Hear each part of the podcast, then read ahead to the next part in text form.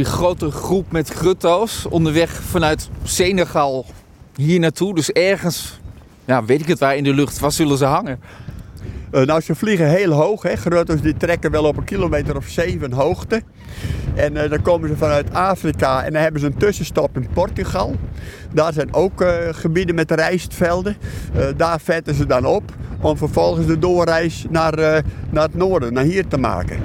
Dus ze hebben vanaf Afrika wel een tussenstop om even ja, bij te tanken, zal ik maar zeggen die plek wordt op het ogenblik erg bedreigd, want ze willen daar een vliegveld bouwen. Precies op de plek waar, waar die vergrutters eigenlijk nu altijd hun tussenstop hebben.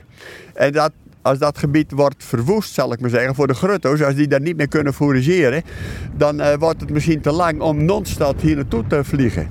Dus dat is weer een zo'n bedreiging van zo'n soort waar wij erg, erg ons best voor doen. En waar elders in Europa uh, totaal geen rekening mee wordt gehouden. Want ja, hier is het de nationale vogel, de grutto. En in Portugal denken ze, laat maar, we hebben er niks mee. Nee, dat is zo. En in Afrika ook, uh, in Senegal, uh, die rijstboeren die jagen ze gewoon weg. Want die zijn er helemaal niet blij mee natuurlijk. Die zaaien daar rijst in en dan komen die grutto's die korrels allemaal opeten. Dus dan worden ze verjaagd. Dat gaat dan wel een beetje primitief nog. Maar goed, uh, ze worden wel regelmatig en zoveel mogelijk door de mensen verstoord. En ja, nu krijg je in Portugal zometeen ook zo'n verhaal. Dus wij doen hier ons uiterste best. Maar het moet eigenlijk veel groter en internationaal, die bescherming van die vogel. Zie je dan wat toekomst voor de grutto? Ja, grut, uh, of grutto's, vogels in het algemeen, zijn erg opportunistisch. Dus ik heb hele goede moed dat ze wel weer een oplossing verzinnen voor de problemen die wij voor hun creëren. Maar uh, ja, je moet wel zorgen dat, uh, dat je wel plek overhoudt waar ze kunnen eten natuurlijk. En dit is dus heel erg belangrijk, dat Kijk, hoge water? Kijk, allemaal. Hop. Allemaal kievieten? Ja, allemaal kievieten. Ik heb er nog nooit zo bij elkaar gezien, volgens mij, zoveel. Nee, kijk, gigantisch. Ja, die gaan we sminten allemaal. Er is waarschijnlijk een rover actief. Even kijken of we hem zien. Dat kan een slechtvalk zijn, dat kan een smelker zijn. Maar dat moeten we ook niet hebben. Dat is ook niet goed voor de kieviet. Ja, dat hoort er wel bij. Dat is natuurlijk in het natuurlijke proces. Uh, die beesten horen ook in de natuur. En als je van de 20.000 af en toe een kieviet eet, dat is natuurlijk ook niet erg. Want ze pakken vaak de minder vlotte vogels eruit. Eentje die ziek is of die niet helemaal in orde is. Dat zijn de makkelijkste te vangen. Dus uh, dat hoort erbij. Want wat hier ook vaak zit, dat is uh, de, de zeearend. Ik heb van de week nog twee zeearenden, volwassen zeearenden hier in de polder zien zitten.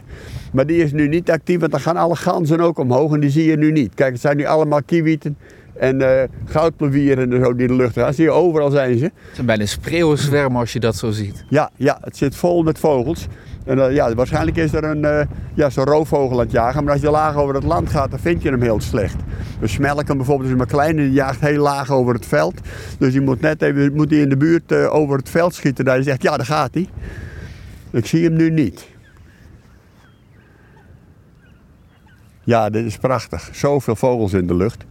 Ja, dan kun je ook een beetje voorstellen, want 20.000, dan denk je nou het zal wel. Maar als ze omhoog gaan, dan zie je dat het echt om duizenden vogels gaat. Hè? Gigantisch.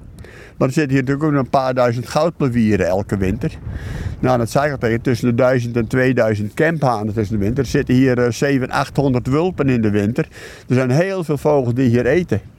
En die halen allemaal het eten uit de bodem, want je hebt natuurlijk ook nog de sminten. Die zitten hier ook zo'n 20.000 die hier overwinteren. En die eten dan vooral gras. Die eten het gras uit de polder op. Ja. En er zitten hier ook duizenden ganzen. Brandganzen, koolganzen, grauwe ganzen. Het is echt een vogelparadijs. Moeten we het nog over de vos hebben, als we het over weidevogels hebben? Nou ja, ik moet je zeggen, de vos die doet hier de laatste jaren heel weinig kwaad meer. Want die wordt door de jagers uh, uh, flink bejaagd. Dat wordt uh, echt, de polder proberen zoveel mogelijk schoon te houden. daar werkt ook Staatsbosbeheer aan mee, daar werken de natuurorganisaties mee. Omdat omdat die vos uh, ja, een ernstige bedreiging is. Die, eet, die kan wel 30 kilometer op een nacht rijden, lopen. Uh, die loopt uh, gewoon hele percelen af. Die zoekt al die nestjes op. Een, een vos die lust eieren, die lust kuikens, die lust een volwassen vogel. Dus dat is een ramp in een weidevogelgebied. Maar de, de jagers die gaan vaak eh, kort voordat eigenlijk eh, de vossen zich helemaal hebben gevestigd jagen. Omdat je kans hebt als je dat te vroeg in de winter doet, dat er weer andere vossen binnenkomen lopen. Dus eh, dat gaat ja, tussen nu, zeg maar half februari en half maart zo'n beetje, gaan ze al die plekken af om te kijken of er vossen zitten. En zo ja, om ze dan op te ruimen. Ja. Om het maar eventjes netjes te zeggen. Precies, af te schieten om het wat, wat platter te zeggen. Maar het komt op hetzelfde neer. Ja.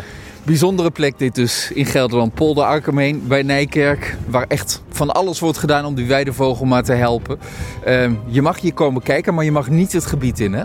Nee, je mag niet gebieden. Het moet gewoon vanaf de weg. Maar van de weg af kun je het ook fantastisch eh, zien. Dan kun je geweldig genieten. Je kan ook over de zeedijk lopen. Dan heb je, heb je ook een prachtig zicht op die polder. Dus eh, er zijn hier allemaal mogelijkheden zonder dat je het gebied in hoeft. Ik dank je wel voor een mooie ochtend. Ja, graag gedaan.